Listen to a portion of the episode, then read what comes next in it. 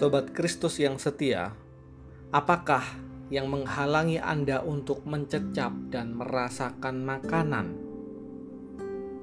Selain terdapat kondisi tertentu yang dapat membuat kita kehilangan kemampuan untuk mencecap dan merasai makanan, terkadang ketika kita merasa sangat lapar, kita dapat segera menelan makanan tanpa merasakannya.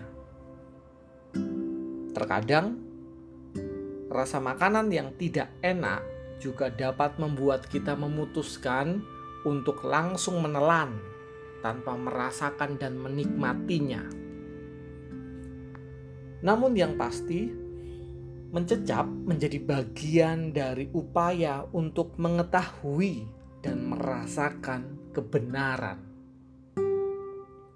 Di dalam Perjanjian Lama, ketika Ayub merespons sobatnya yang bernama Zofar di dalam Ayub 12 ayat 11 ia menggunakan perumpamaan telinga yang mendengar dan lidah yang mencecap makanan untuk menegaskan bahwa kita selalu dapat mengetahui dan merasakan kebesaran Tuhan Allah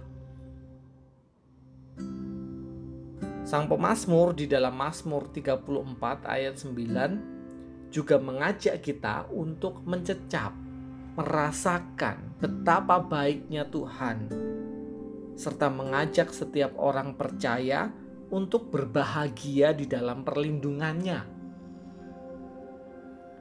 Lebih lanjut, 1 Petrus pasal 2 ayat 1 sampai 3 mengajak kita yang benar-benar telah mencecap nikmatnya kebaikan Tuhan untuk menjadi seperti bayi yang selalu ingin akan air susu yang murni, yang mau melepaskan dan membuang segala rasa tak nikmat lain yang dimungkinkan oleh kejahatan, fitnah, tipu muslihat, kemunafikan, dan kedengkian.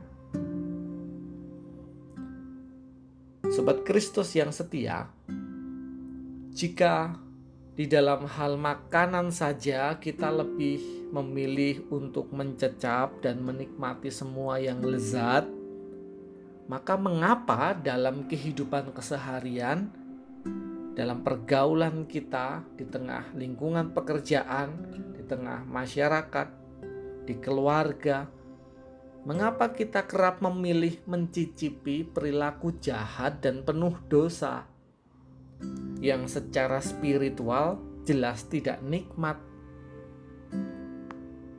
Mari membiasakan diri mencecap dan merasakan kebaikan Tuhan yang selalu nikmat, ketimbang merasai dosa dan kejahatan yang sama sekali tak sedap Kecaplah kebaikannya dan bersyukurlah. Amin.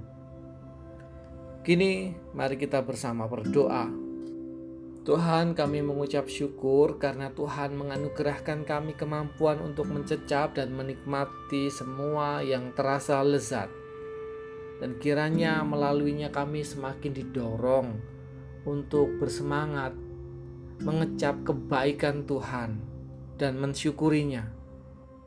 Seraya membiasakan diri untuk tidak merasai dosa dan kejahatan yang sama sekali tak sedap. Dalam nama Allah Bapa Tuhan Yesus Kristus dan Sang Roh Kudus. Amin.